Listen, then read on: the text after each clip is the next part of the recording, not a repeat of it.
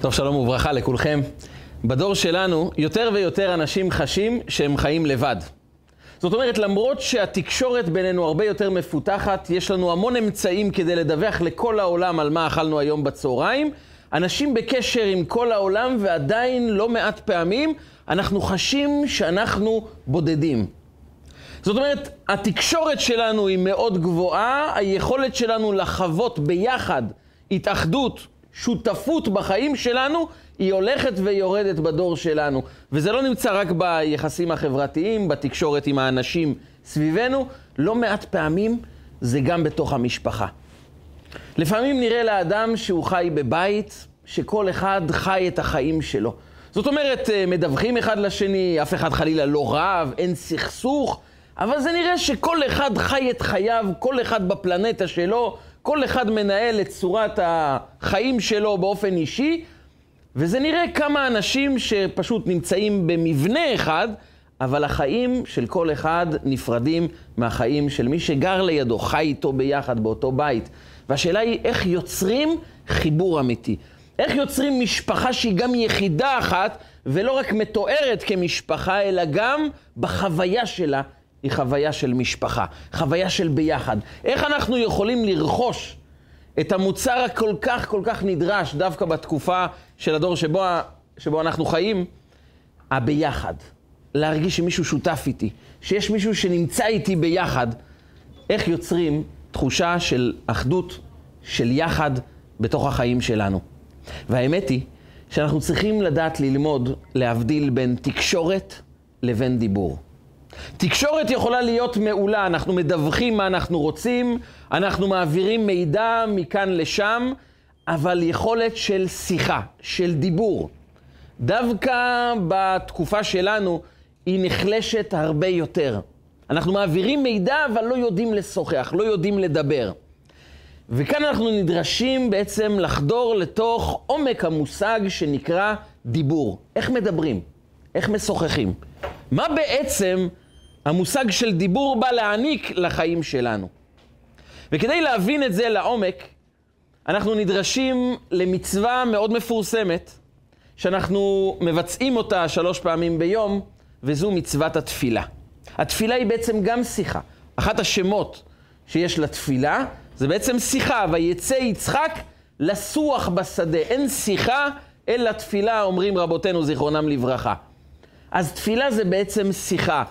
אבל מה שמעניין זה מה ההגדרה של התורה למושג תפילה.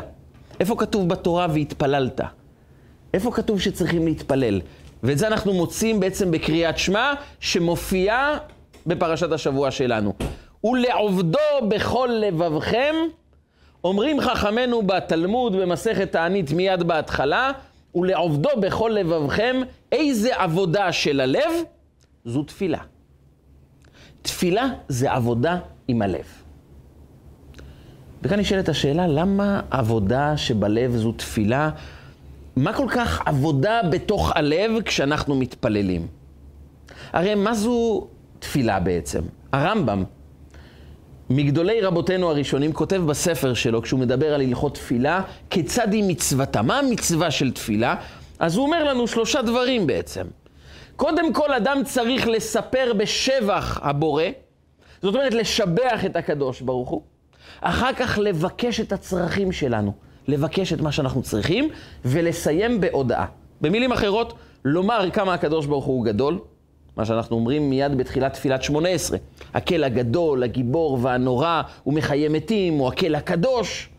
ואחר כך לבקש את מה שאנחנו צריכים, ולסיים בצורה מנומסת, להודות לקדוש ברוך הוא. הטוב שמך ולך נאה להודות. מודים אנחנו לך.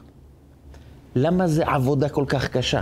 למה זו עבודה שבלב? אדם ניגש, משבח את הקדוש ברוך הוא, מכיר בגדולתו ובכוחו וביכולותיו של הקדוש ברוך הוא. הוא מבקש את מה שצריך, אומר תודה, וחוזר הביתה. למה זו עבודה שבלב? מה העבודה שמסתתרת בתוך התפילה שבה אנחנו מבקשים את מה שאנחנו צריכים? כמובן, משבחים את הקדוש ברוך הוא, מודים לו, אבל מבקשים את מה שאנחנו צריכים. איפה העבודה כאן? עבודה שבלב זו תפילה. ויש כאן פרט נוסף, מאוד מעניין. הוא מעניין דווקא על הרקע הזה שזה לכאורה נוגד את האמונה בקדוש ברוך הוא, המושג הזה בתפילה, שעליו מדבר רבי חיים בן עטר בספר המפורסם שלו, ספר האור החיים הקדוש. רבי חיים בן עטר חי לפ... לפני למעלה משלוש מאות שנה, הוא כתב ספר שבכל העם היהודי מאוד מקפידים בלימוד שלו, ספר שמשלב גם ידע הלכתי, תורני, פלפולים אה, תורניים עמוקים וגם קבלה ורבדים של תורת הנסתר בתוך הפירוש שלו. וכך הוא כותב על תפילתו של משה רבנו. משה רבנו התפלל והתחנן אל השם, קראנו את זה בשבוע שעבר, הוא התחנן והתפלל לקדוש ברוך הוא להיכנס לארץ ישראל. והתחנן אל השם בעת ההיא לאמור. מה זה לאמור? אומר בעל הרוח חיים הקדוש, כאשר אדם מתפלל, הקדוש ברוך הוא מצפה ממנו שיפרט בצורה מלאה על מה אתה מתפלל, מה אתה מבקש. ולא סתם לפרט מה אתה מבקש מהקדוש ברוך הוא, אלא להשתמש במילים מדויקות. מילים שמבטאות את מה שאתה צריך, ושחלילה לא יהיה משמעות אחרת למילים שאתה אומר. הוא נותן לזה גם דוגמה מהמדרש כדי קצת להמחיש את הנושא. הוא מספר במדרש סיפור מאוד מפתיע.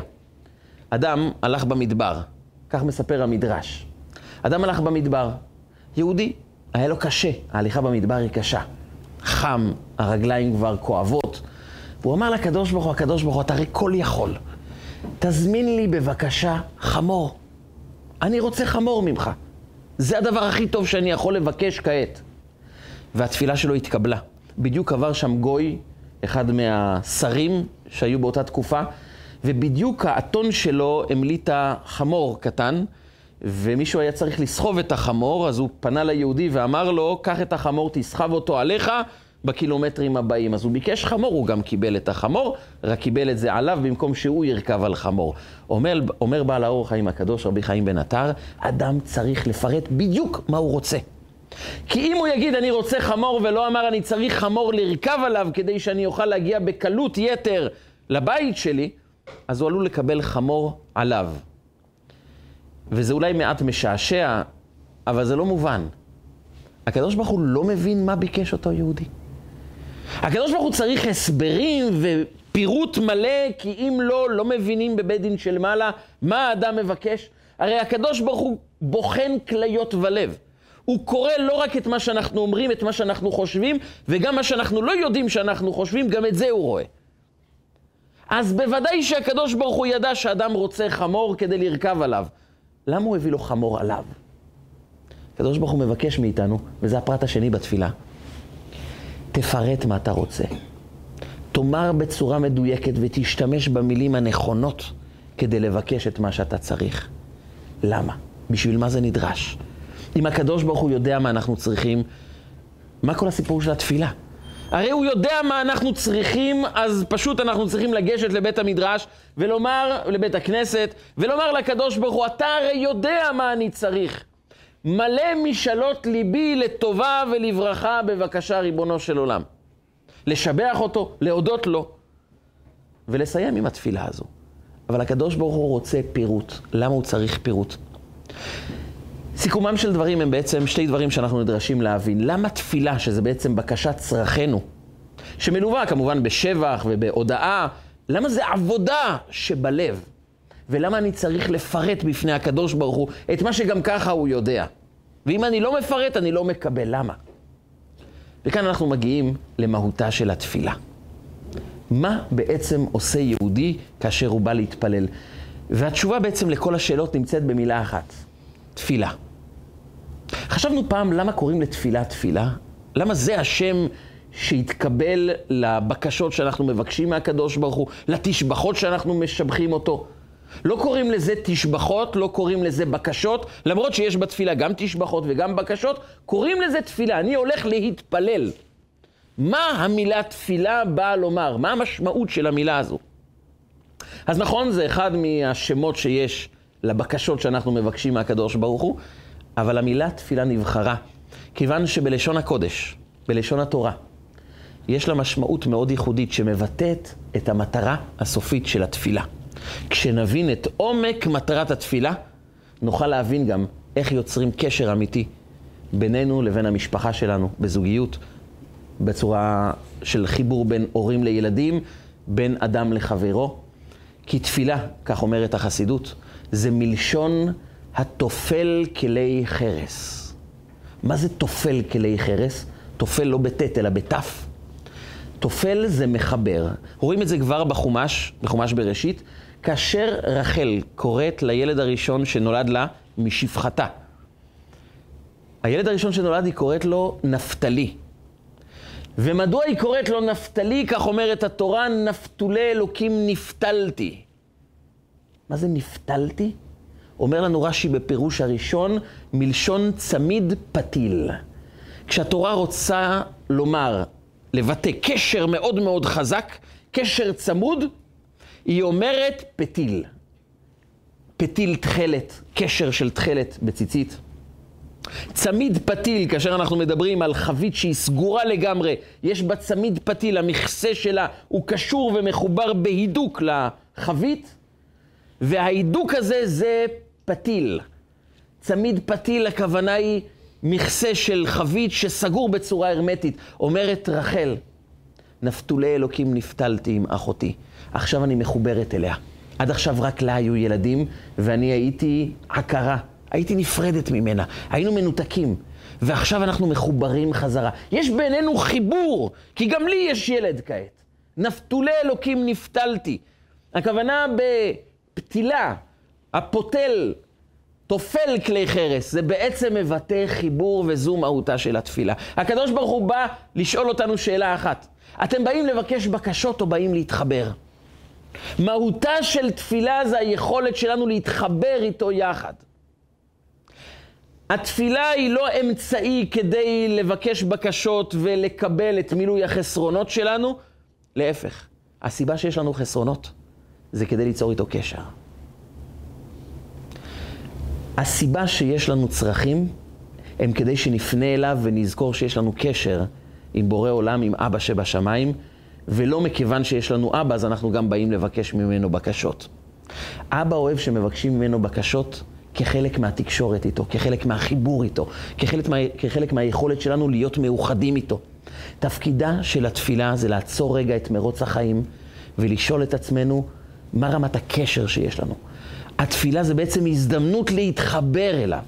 לחוש בתוך הלב שיש לנו חיבור, אנחנו מתבוננים בזה שהוא מחיה אותנו, שהוא ברא את העולם. אם נשים לב, רוב התפילה היא עסוקה בעצם בעודו להשם קראו בשמו, הודיעו בעמים עלילותיו, להבין כמה הוא מחיה את העולם, איך הוא מקיים את, אותנו, מחיה אותנו. לאט לאט נוצר בתוך הלב שלנו תחושה של רצון להתחבר אליו. זה מגיע לשיא בקריאת שמע. אנחנו מכריזים שמע ישראל, השם אלוקינו, השם אחד. רק אתה נמצא כאן בעולם. אנחנו מוכנים למסור את נפשנו עבורך. בעצם תכלית החיים שלנו זה החיבור שלך. אדם מגיע לרמה בתפילה אם הוא רק מתפלל בכובד ראש עם כל הלב, ולעובדו בכל לבבכם, הלב שלו מתחבר לקדוש ברוך הוא. הוא רוצה את הקשר הזה. והקדוש ברוך הוא אומר, כשאתה רוצה את הקשר, הבקשות שלך הם אמצעי בשביל לתחזק את הקשר, שהוא בעצם המטרה הסופית. כשאדם בא להתפלל אם הוא מתמקד במטרה של מילוי החסרונות, הוא בעצם אומר במילים אחרות לריבונו של עולם, תשמע, אתה כל יכול, אתה מנהל את העסק פה. אני מבקש ממך, תן לי את הצרכים שלי, אני אודה לך, ישבח אותך, ישתדל לא לעבור על מה שאתה לא אוהב, לעשות את מה שאתה כן רוצה, וניפרד כידידים. אני מעוניין לקבל בסופו של יום את הצרכים שלי. זה הדבר שמניע אותי. כשאדם מתמקד בצרכים שלו בתפילה, הוא בעצם מתנתק. אין כאן תקשורת, אין כאן את הביחד. האדם לא מחפש בסופו של יום את הביחד, את הקשר, את החיבור, הוא מבקש את מילוי צרכיו. הקדוש ברוך הוא אומר, התפילה זה בהחלט מילוי הצרכים שלך, תבקש מה שאתה צריך. אבל יש לזה רובד בסיסי. אנחנו יחד, אנחנו אבא ובן, אנחנו קשורים ביחד.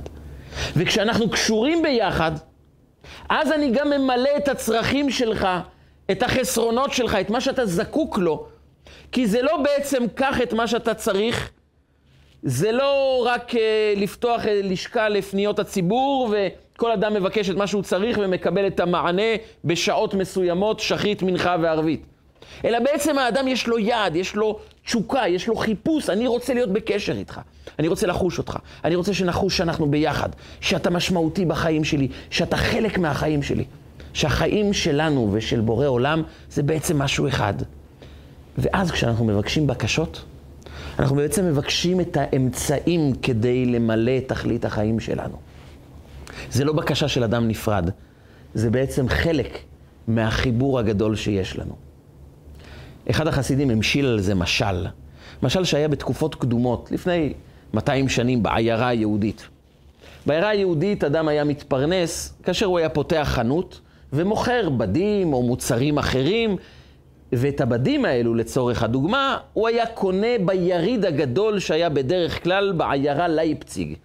אדם היה הולך, נוסע בעגלה כמה ימים, לפעמים כמה שבועות, מגיע למקום, קונה סחורה, וחוזר לעיירה ויש לו סחורה לחצי שנה הקרובה וממנה הוא מתפרנס. הוא קנה בזול, מוכר מעט ביוקר, ומזה הוא מתפרנס. מספרים על אחד היהודים שהוא הגיע לעיירה לייפציג, הוא כבר מגיע במשך שנים, הוא קשר קשרי ידידות, חברות עם האנשים שם, והוא פגש את אחד החברים שלו, שממנו הוא קונה סחורה, התארח אצלו בבית, ישבו על כוס תה, דיברו יחד, חוו ביחד אה, זמנים טובים. הוא קנה את מה שהוא צריך, ואחרי כמה ימים הוא נפרד לשלום מהחבר שלו. הוא נוסע עם העגלה, עם כל הציוד, זה היה כבר לילה, ובאמצע הנסיעה הוא מגלה שהגלגלים חורקים, הם כבר לא נוסעים כמו שצריך. והוא גילה שהוא שכח לשמן את הגלגלים שלו, גלגלי העגלה. מה הוא עושה עכשיו באמצע הלילה? אמר, טוב, אין ברירה, כמה שזה לא נעים.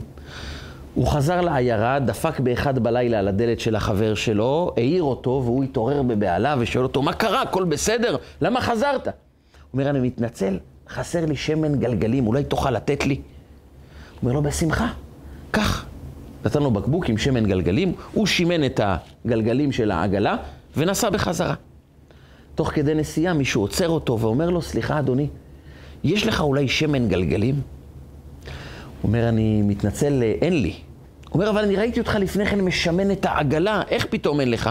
הוא אומר, לא, זה אני, אין לי שמן גלגלים. אני פניתי לחבר שלי, ביקשתי ממנו קצת שמן גלגלים, הוא נתן לי מה שאני צריך ולא נשאר לי יותר שמן. הוא אומר, באמת, מי החבר שלך הנדיב הזה שנתן לך שמן גלגלים? הוא אמר לו, חבר, נתן לו את השם, את הכתובת. והוא הלך. אותו אדם הלך, זה כבר שתיים בלילה, והוא דופק בדלת. והוא מתעורר שוב פעם ואומר, מה קרה? זה עדיין החבר שלי שעדיין צריך עוד משהו? פותח את הדלת, הוא רואה מישהו שהוא בכלל לא מכיר. והוא אומר לו, סליחה, אדוני, למה אתה מעיר אותי באמצע הלילה? הוא אומר לו, זה פשוט מאוד, שמעתי שאתה מחלק שמן גלגלים, גם אני צריך שמן גלגלים לעגלה שלי. כשמעירים בן אדם בשתיים בלילה ומישהו לא מוכר ומבקש שמן גלגלים, זה לא הדבר הכי משמח שיכול להיות. הוא התחיל לצעוק עליו ואומר לו, אני מכיר אותך מאיזשהו מקום, מה אתה מבקש שמן גלגלים, מעיר אותי באמצע הלילה? אומר לו, אני לא מבין, אבל אתה נתת לחבר שלך שמן גלגלים, מה אני שונה? הוא אמר לו, אני אסביר לך במה אתה שונה.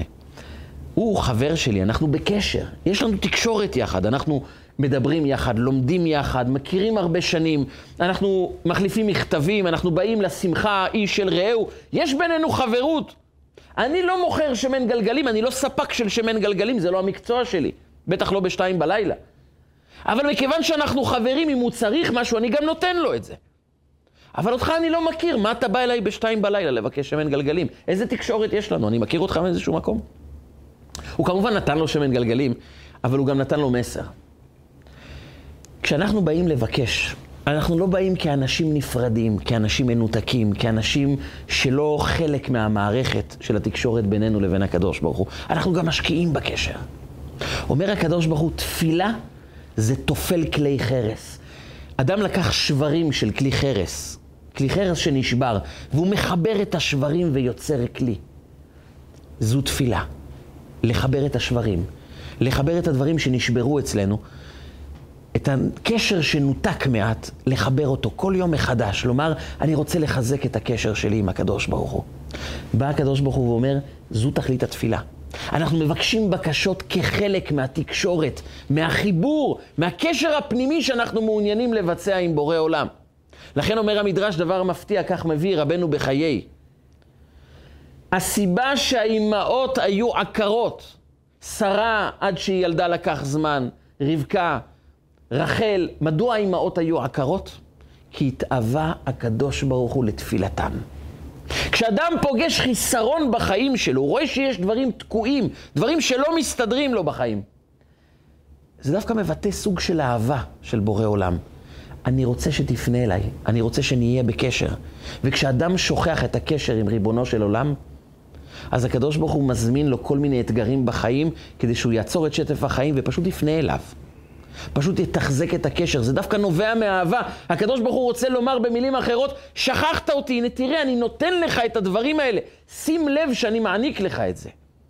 וכאשר אדם שוכח לתחזק את הקשר, הוא מקבל כל מיני איתותים של חסרונות, שהם באים לבטא, אני צריך אותך, אני רוצה להיות איתך ביחד. תחזק את הקשר. הסביר הרבי מקוצק שזה היה העונש הגדול של הנחש. הנחש קיבל עונש מאוד מפתיע. ועפר תאכל כל ימי חייך. אתה תאכל רק עפר. שאל הרבי מקוצק, אני לא מבין, הנחש שייוולד, וכל הנחשים שיאכלו עפר, זה האוכל שלהם. אם זה האוכל שלהם וזה מה שהם מכירים, הם צריכים לטרוח אחרי האוכל שלהם, או שיש להם אוכל בכל מקום בעולם בשפע. הוא אומר, קיללת את הנחש או בירכת את הנחש? הוא מקבל עפר תאכל כל ימי חייך. אם זה האוכל שלו, לא חסר לו אוכל. הוא לא כמו חיה שצריכה לטרוף איזה טרף ולהילחם ולהיאבק כדי להביא אוכל לגורים שלה. היא בטח לא כמו אדם שמעלות השחר עד צאת הנשמה צריך לעבוד כדי לפרנס את המשפחה שלו. עפר תאכל כל ימי חייך. יש לו אוכל בשפע בכל מקום בעולם. זה עונש או ברכה? אמר הרבי מקוצק, זה עונש. הקדוש ברוך הוא אמר לו, קח את כל האוכל שאתה רוצה, תתפרנס, אל תפנה אליי יותר, לא רוצה קשר איתך. העונש הכי גדול זה לא לאבד את היכולת שלנו לפנות אליו ולומר, אני חלק ממך, אני בקשר איתך. כשאדם מאבד את הקשר עם שורש החיים שלו, עם מי שמזין אותו, עם מי שמחיה אותו, עם מי שברא אותו, הניתוק הזה זה העונש הכי גדול, וזה אמר הקדוש ברוך הוא לנחש. עפר תאכל כל ימי חייך. לא חסר לך שום דבר, לך תאכל, אותי תעזוב בשקט. את הצדיקים, אני נותן להם חסרונות כדי שיתפללו אליי. אני אמלא את חסרונותיהם, אבל אני רוצה לתחזק את הקשר. הצורך העמוק בתפילה זה בעצם הגישה הזאת שאנחנו רוצים לחזק את הקשר.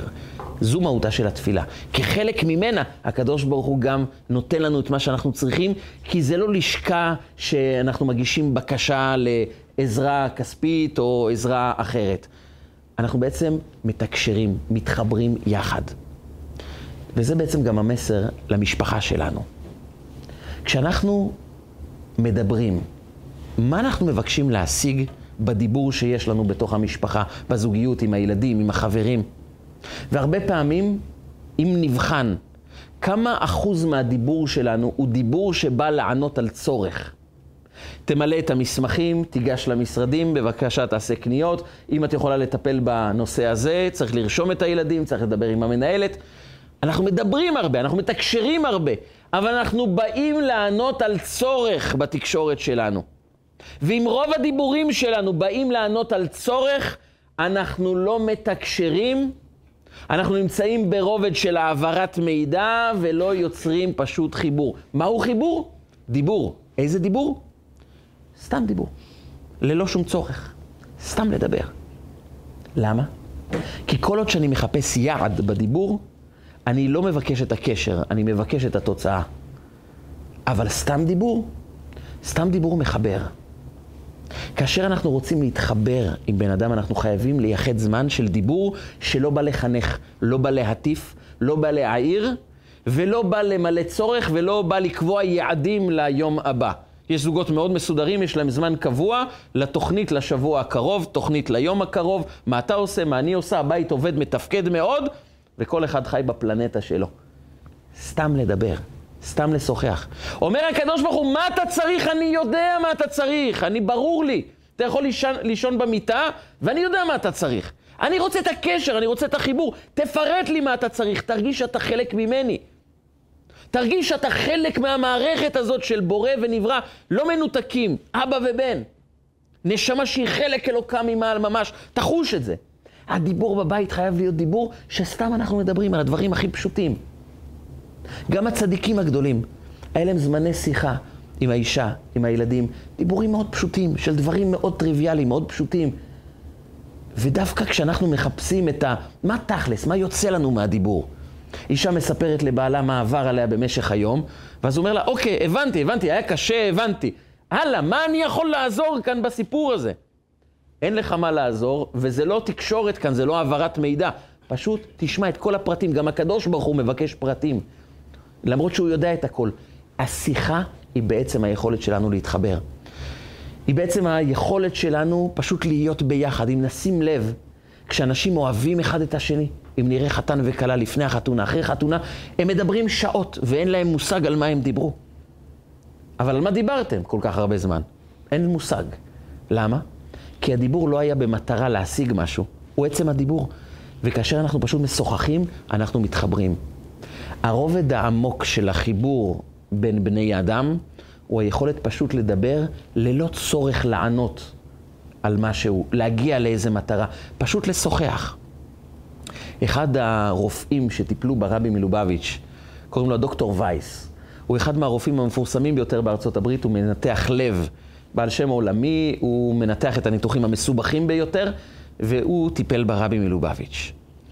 והוא שאל שאלה, הוא התייעץ עם הרבי בלא מעט לבטים, שאלות, בעיות שהיו לו, והוא אמר לרבי, אני נמצא בבעיה. קוראים לי להמון אוניברסיטאות, אה, כינוסים של רופאים, להרצות בפניהם, אני צריך לבצע ניתוחים מאוד מסובכים בכל רחבי ארצות הברית, אין לי זמן להיות עם אשתי. איך אני יכול לשלב בין קריירה, בין עבודה תובענית כל כך, לבין המשפחה שלי? אמר לו הרבי, אתה יודע, גם אני קצת עסוק. אבל יש משהו שאני לא מוותר עליו. בכל ערב אני שותה כוס תה עם הרבנית. לא להרבה זמן, אבל אנחנו שותים כוס תה יחד. וזה חשוב לי, וקדוש עבורי כמו הנחת תפילין. כמו שאני מניח תפילין כל יום, אני שותה כוס תה עם הרבנית, עם אשתי. זה מאוד מעניין, כי כשיושבים על כוס תה, לא צוללים לעומק ספר הזוהר. כששותים כוס תה, לא קובעים יעדים למחר ולא ממלאים מסמכים יחד. מה עושים כשיושבים על כוס תה? פשוט משוחחים. יש את רגע החיבור, ורגע החיבור לא בא לענות על צורך, לא בא למלא איזה חיסרון, הוא בא פשוט להיות בקשר. וזה מעניין שהרבי אמר לו, זה חשוב עבורי כמו תפילין, כי תפילין זה בעצם היכולת שלנו לחבר בין הלב. לכן יש לנו תפילין של יד כנגד הלב, הלב שלנו מחובר לקדושה, ותפילין שעל הראש בא לחבר בין המוח, המחשבות שלנו, לקדוש ברוך הוא. וכמו החיבור בינינו לבין הקדוש ברוך הוא, הכוס תה והשיחה הפשוטה באה פשוט לחבר בינינו. מטרת השיחה זה פשוט לשוחח. גם אם זו שיחה לא עמוקה, פילוסופית, ולא באה אה, לאתגר את השכל שלנו, זה לא אמור להיות זה, זה אמור להיות הדבר הכי פשוט, הכי מהנה. פשוט לשוחח כדי להתחבר. וזו התפילה. הבקשת צרכנו בתפילה, הבקשה של מה שחסר לנו, זה הפרט השולי, כמובן שאנחנו זקוקים לו. הפרט העיקרי הוא עצם החיבור, פשוט להרגיש ביחד. כשאנחנו מבינים את זה, אנחנו עוברים תמיד להשקיע יותר בשיחה, פשוט שיחה פשוטה. כי אנחנו מתקשרים בלי סוף, מעבירים הודעות ומידע, ואנחנו יכולים בהמון פלטפורמות אה, וצורות שונות להעביר את מה שעובר עלינו, את מה שקורה איתנו, לבקש בקשות, להעביר מידע, אבל דווקא בגלל עודף היכולת שלנו להעביר מידע, אנחנו שוכחים פשוט לשבת, לשים את כל המכשירים בצד, ופשוט לשוחח. לשוחח. להתחבר. להרגיש דיבור אמיתי זה לעבור מהרובד של תקשורת, של העברת מידע, לפשוט דיבור. מה המטרה? עצם החיבור. זו תפילה, פשוט להתחבר. זה כבר עבודה, כי זה לפתח את הרגשות שלנו, זה להשקיע בלב שלנו, זה להתחבר, אבל זה מתחיל משיחה. פשוט לעמוד ולהתפלל. או יותר נכון, אם זה בינינו, לשבת ולשתות כוס תה ופשוט להתחיל לדבר. אין לנו על מה לדבר. אנחנו מרגישים שאם יש משהו כבוי קצת, אנחנו מרגישים שזה לא זה, משהו כאן במשפחה לא מתפקד, לא עובד, אפשר פשוט להתחיל לדבר, לשוחח. גם אם זה יהיה לחמש דקות, להשקיע בשאלה איך עבר היום, לדבר על הדברים הפעוטים שעוברים עלינו, השיחה הזאת מתחילה לחבר בין הלבבות. וכשלבבות מתחילים להתחבר, אז משהו מתחיל להידלק, משהו מתחיל לגדול בחיים. וכאן מגיע דבר נוסף שחשוב להקפיד עליו. סוף התפילה אנחנו אומרים, נצור לשוני מרע. אנחנו מבקשים בסוף התפילה, הקדוש ברוך הוא תעזור לנו שהפה שלנו לא ידבר דברים רעים. הסוד של תפילה שמתקבלת, זו תפילה שיוצאת מפה שבא לומר דברים טובים, שבא לעזור, שבא לסייע, שבא להעצים, שבא לא, ל, ל, להביא טוב לעולם, לגלות טוב בתוך העולם. הבעיה היא כשאדם כועס, כשאדם עצבני, כשאדם מאוכזב, הוא מבטא את האכזבות שלו בהמון מילים לא טובות. הספורט הלאומי זה לקטר, זה להתלונן, זה להגיד כמה לא טוב. אבל כאשר זה יורד לרובד המשפחתי או של החברים הקרובים, זה יכול להיות אסון. כי אם אדם מתלונן ומדבר כמה קשה וכמה לא טוב וכמה הוא מאוכזב וכמה לא טוב לו, הדיבור, כמו שהוא יכול לבנות קשר, הוא יכול לפגוע בבסיס הקשר. כי כשאדם שומע כמה לא מרוצים ממנו, כמה מאוכזבים ממנו, כמה רע איתו, משהו בתוכו נעלם, נמוג, קורס. הכוח של דיבור זה הבקשה שלנו מהקדוש ברוך הוא, תן לנו את הכוח, גם בזמני מריבה, גם בזמני קושי. ואני אגלה לכם סוד, אין זוג שלא רב. זה בדרך כלל קורה. אצל השכנים. אבל זה קורה. ומה עושה אדם אז? לריב זה טבעי.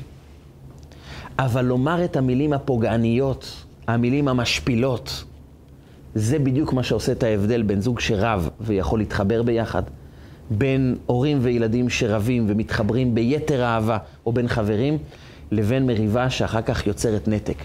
זה המילים הפוגעניות. סיפר לי לפני שבועיים בערך, אדם מחנך, אדם מבריק, איש חינוך, אדם מאוד מוצלח. הוא סיפר לי סיפור שזעזע אותי לגמרי. אבל זה רק כדי להמחיש את כוחה, כוחו של דיבור, ועד כמה זה משמעותי בתקשורת בינינו. הוא סיפר לי שבתור ילד קטן, אבא שלו היה עסוק בעבודה מאוד עדינה, ולא מעט פעמים הוא היה מבקש מהבן שלו, תביא לי כוס תה. מכיוון שבמקום שבו הוא עבד, זו הייתה עבודה עם כלים מאוד עדינים, עם דברים מאוד יקרים, כשהבן הגיע והגיש לו את הכוס תה, הוא מעט רעד, הוא פחד, כי הוא הולך להביא כוס תה חם, במקום שאם זה נשפך או אם זה נופל זה יכול להרוס כמה דברים, אז הוא מעט רעד. ואבא שלו הסתכל עליו ואמר לו, אתה שם לב שהידיים שלך רועדות כמו איזה זקן? עברו כמה ימים, ועוד פעם אבא שלו מבקש ממנו כוס תה. עכשיו הילד, מה אומר לעצמו? כשאני מביא כוס תה, מה אני צריך להקפיד עכשיו? אני לא רוצה שהידיים שלי ירעדו. ומה קורה לאדם שלחוץ מזה שהידיים שלו לא ירעדו? אז הידיים מתחילות לרעוד. זה חוק כזה. והידיים עוד פעם רעדו, ואבא שלו אמר לו, עוד פעם הידיים שלך רועדות, תגיד, בן כמה אתה? הידיים שלך רועדות, יש לך בעיה? יש לך בעיה שהידיים שלך כל כך רועדות. בפעם השלישית כבר ביקשתי מאבא לפטור אותי מהתפקיד המעיק הזה, הכל כך קשה, להביא לו כוס תה. מספר לי את הסיפור ואומר לי, אתה יודע, עד היום, והוא כבר uh, קרוב לגיל 50, כשבבית הכנסת מזמינים אנשים להגביה את ספר התורה, מכבדים אנשים. מעולם לא הגבהתי ספר תורה. מעולם. כי אני פוחד שאולי זה ייפול. כי אמרו לי כשהייתי קטן, שהידיים שלך רועדות, ואני לא רוצה שספר תורה ייפול. ואני מבין שזה שטות, מעולם הידיים שלו לא רעדו, חוץ מהאירוע הזה. אבל אתה מבין מה קורה כשמשתמשים בכוח הדיבור לא נכון? הוא זעזע אותי. והוא נתן לי פתאום עומק של הבנה, נצור לשוני מרע. ריבונו שלם, תן לי את הכוח הזה שמהפה שלי יצאו דברים מעצימים לאנשים, שזה יחזק את האנשים. תפילה טובה מתקבלת מפה שבא להביא טוב לעולם, להעצים את העולם. כמה אנחנו צריכים להיזהר גם בזמני מריבות, גם בזמנים קשים, והזמנים האלה מגיעים. החורבן שיוצא ממריבות זה לא בגלל עצם המריבה, אלא בגלל המילים שלא ידענו לבחור אותם כמו שצריך. ודיבור דיבור יוצר, דיבור בונה, ודיבור גם יכול להרוס. אמר שלמה המלך, מוות וחיים ביד לשון. ולכן אנחנו מבקשים מאיתנו, מעצמנו, גם בזמנים קשים, שנבדוק את עצמנו, האם אנחנו מוציאים מילים שלא צריך להוציא. אנחנו צריכים להגיד את מה שאנחנו חושבים.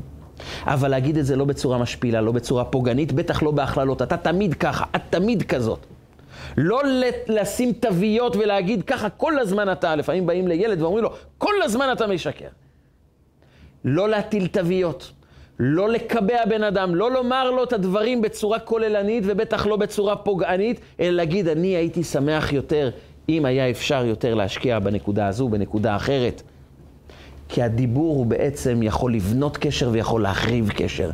המריבה לא היא זו שפוגעת בקשר. מריבה זה טבעי, ולהפך, זה דווקא יכול להעצים את הקשר. המילים הפוגעניות שאנחנו משתמשים בהן, הם אלה שיכולים להחריב את התקשורת בינינו. אם אנחנו נסתכל על שני הצדדים, מצד אחד אנחנו אמורים להבין שדיבור, עצם הדיבור, סתם לדבר, זה יוצר קשר. לשבת, לדבר על מה עבר במשך היום, לדבר סתם כדי להיות בקשר ללא שום צורך. יש זמנים שמדברים כדי לפעול שכל הדברים יתנהלו כמו שצריך בבית, למלא מסמכים, חלוקת תפקידים, זה טוב. זה לא קשור לדיבור, זה תקשורת. הדיבור הוא בעצם עכשיו, סתם יושבים על כוס תה, כמו הנחת תפילין. לחבר, להתקשר, להיות יחד. ותמיד להיזהר, ולשוני, נצור לשוני מרע. שלא יהיה לנו מילים פוגעניות שיוצאות, כי זה יכול להחריב קשר. וכאן בעצם מגיע מושג נוסף, שאנחנו אמורים לזכור לפני התפילה. בשולחן ערוך אורח חיים, סימן צדיק ח', יש הדרכה איך ניגשים לתפילה. והדרכה היא במשפט אחד. לפני התפילה, יתבונן האדם בגדלות וברוממות הקל. תתבונן כמה גדול אלוקים שאתה בא לדבר איתו כעת. זה לא סתם שאתה בא עכשיו לדבר איתו, להיות איתו בקשר. תתבונן בגדולה שלו, ברוממות שלו. כמה אנחנו יכולים להשיג, זה עוד שאלה. אנחנו יכולים להשיג דברים מאוד פעוטים ביחס למי שהוא באמת.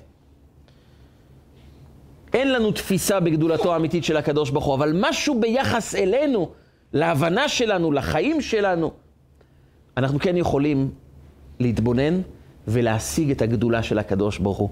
וזה בעצם התהליך של התפילה.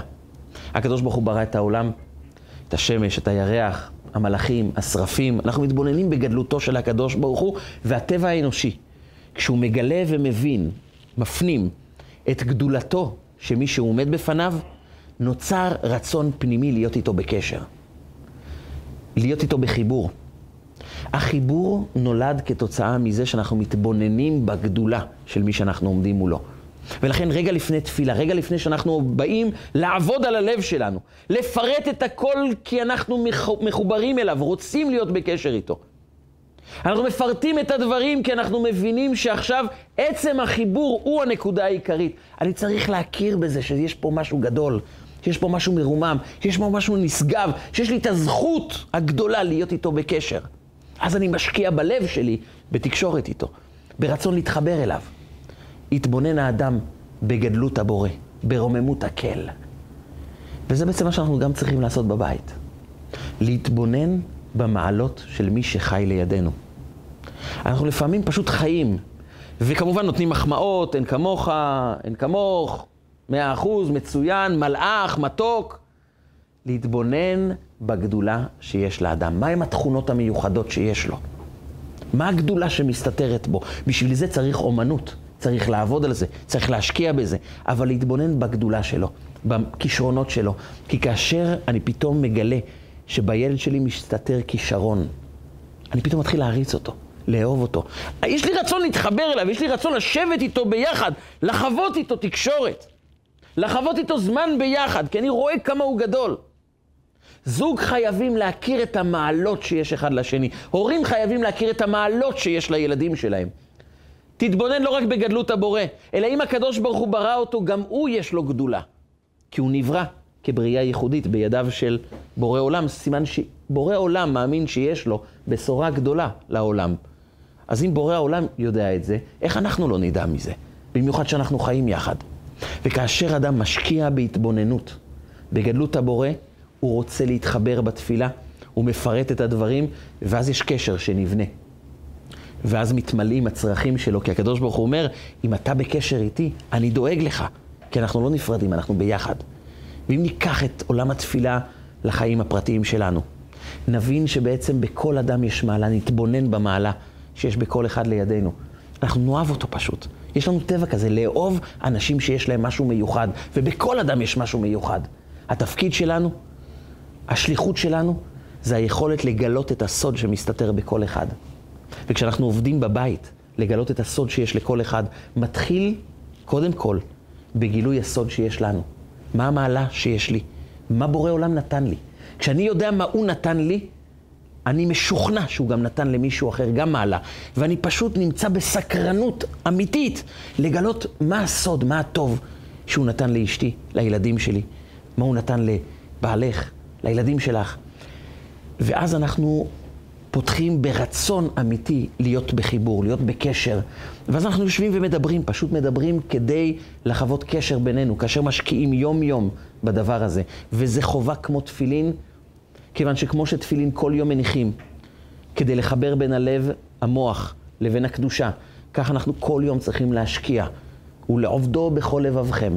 איזוהי עבודה שבלב זו תפילה. כי תפילה זה חיבור תופל כלי חרס. וכדי ליצור חיבור אמיתי בינינו, אנחנו חייבים להשקיע עבודה שבלב, להתבונן כמה הוא גדול, כמה הוא יקר, ולהשקיע בזה יום-יום, בפשוט שיחה, כרצון לחיות יחד, ולהימנע מדיבורים לא טובים. אז הפה שלנו הוא פה שיכול להוציא תפילה. אחד הסיפורים המאוד מרגשים ששמעתי הוא סיפור שסיפר משה ויינברגר מניו יורק. הוא היה ילד קטן לפני השואה. הוא הגיע לגיל 13 והוא ביקש ללכת להתקבל בישיבתו של רבי שמעון שקופ, אחד מגדולי ראשי הישיבות בדור שלפני השואה, בעיירה גרודנה. והוא ידע שבדרך כלל לא מקבלים אה, תלמידים, אלא אם כן הם תלמידים מאוד מבריקים, מאוד חכמים, כי להחזיק ישיבה זה סיפור מאוד מאוד קשה מבחינה פיננסית. קשה להחזיק תלמידים, ולכן הם קיבלו רק את התלמידים הטובים. וההורים שלו שלחו אותו להתקבל לישיבה, לעבור מבחן. ההורים היו עניים מרודים, לא היה להם כסף לשלוח אותו בסוס ועגלה, בטח לא ברכבת, עד לעיירה גרודנה. והם ביקשו ממנו, תבקש מאנשים טרמפים עד שתגיע לעיירה. מה שהופך את המסע הזה למסע שאורך שבועיים עד שהוא יכול להגיע לישיבה. הם גם לא נתנו לו מספיק אוכל, ואמרו לו, תבקש מיהודים טובים אוכל, יהודים ייתנו לך, יהודים רחמנים. וככה שבועיים הוא הולך בדרכים, ישן בצידי הדרך, מבקש מאנשים תרומה בשביל לאכול, ונע בעגלות מכאן לשם. אחרי שבועיים הוא הגיע סחוט לעיירה גרודנה. הוא נכנס מיד לישיבה, זה כבר היה לקראת הערב. והוא ביקש להיכנס לחדרו של הרב, אמרו לו, הרב נמצא בבית. הוא הלך לבית שלו, דפק בדלת, ראש הישיבה פותח את הדלת ואומר לו, כן, בחור צעיר, חביב, מה הביא אותך אליי? והוא אומר לו, בלחץ, לחץ עצום, כי את כל המסע הוא עבר רק כדי להיבחן, ומי יודע אם הוא יתקבל בכלל לישיבה הזאת. ואם הוא לא יתקבל, כמה צער יהיה להורים. וברעדה הוא אומר לראש ישיבה, באתי להיבחן כדי להתקבל לישיבה. הוא אומר, אוקיי, אתה מוכן למבחן? אומר לו, אני מוכן. הוא הכניס אותו לבית, הושיב אותו ליד השולחן, ואמר לו, אני רוצה לשאול אותך שאלה ראשונה. הלב של הילד, של הנער, דופק. הוא מתפלל לקדוש ברוך הוא שיעזור לו, שהוא יוכל לענות על השאלה הזו כמו שצריך ויתקבל לישיבה. ואז ראש הישיבה מסתכל עליו במבט רחום ואומר לו, שאלה ראשונה, מתי פעם אחרונה אכלת ארוחה חמה? אני יכול לדעת? הוא היה בהלם. הוא אומר לו, לפני שבועיים. כשיצאתי מהבית. הוא אומר, טוב, אז צריכים למצוא תשובה לשאלה הזו. בוא איתי למטבח. הוא אמר, תראה, אני לא יודע לבשל כמו הרבנית, אבל מה שאני יודע, אני אעשה, חימי מים, מכין מרק. נתן לו לאכול. הביא לו לחם, ודאג שהוא יסבע. הוא אכל, שבע, בירך ברכת המזון, ואומר לו, עכשיו אתה מוכן אה, לשאלות?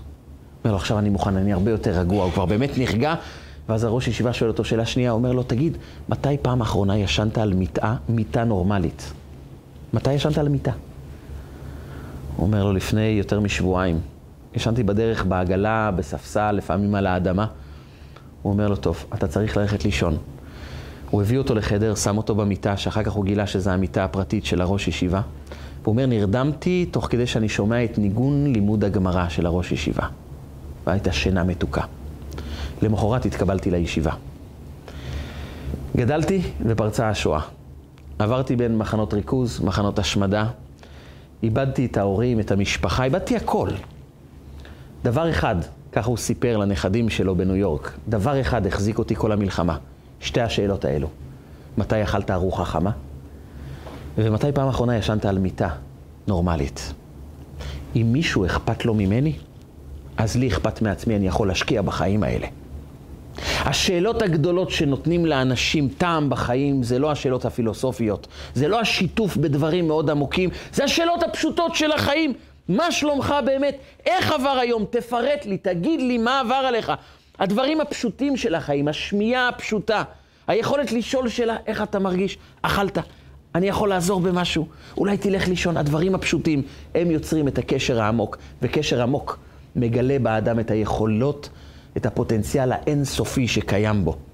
אם אנחנו נדע להתחבר לכל אדם בדיבור אמיתי, בדאגה כנה, בפשוט שיחה שמסיתה הצידה את כל הדיבורים הלא טובים והתמקדות בדברים טובים, ברצון להיות ביחד.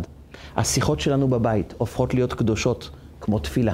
אנחנו כבר לא משוחחים עם בני הבית, אנחנו מתפללים עם בני הבית. זה יקר כמו תפילין. אם אנחנו נחזק את הקשר בינינו, אז נתקן את הסיבה שבגללה נחרב בית המקדש שנאת חינם, כי אנחנו דרך הדיבור ניצור אהבת חינם, ועם אהבת חינם נזכה לבניין בית המקדש השלישי, עם משיח צדקנו בגאולה שלמה במהרה בימינו אמן ואמן.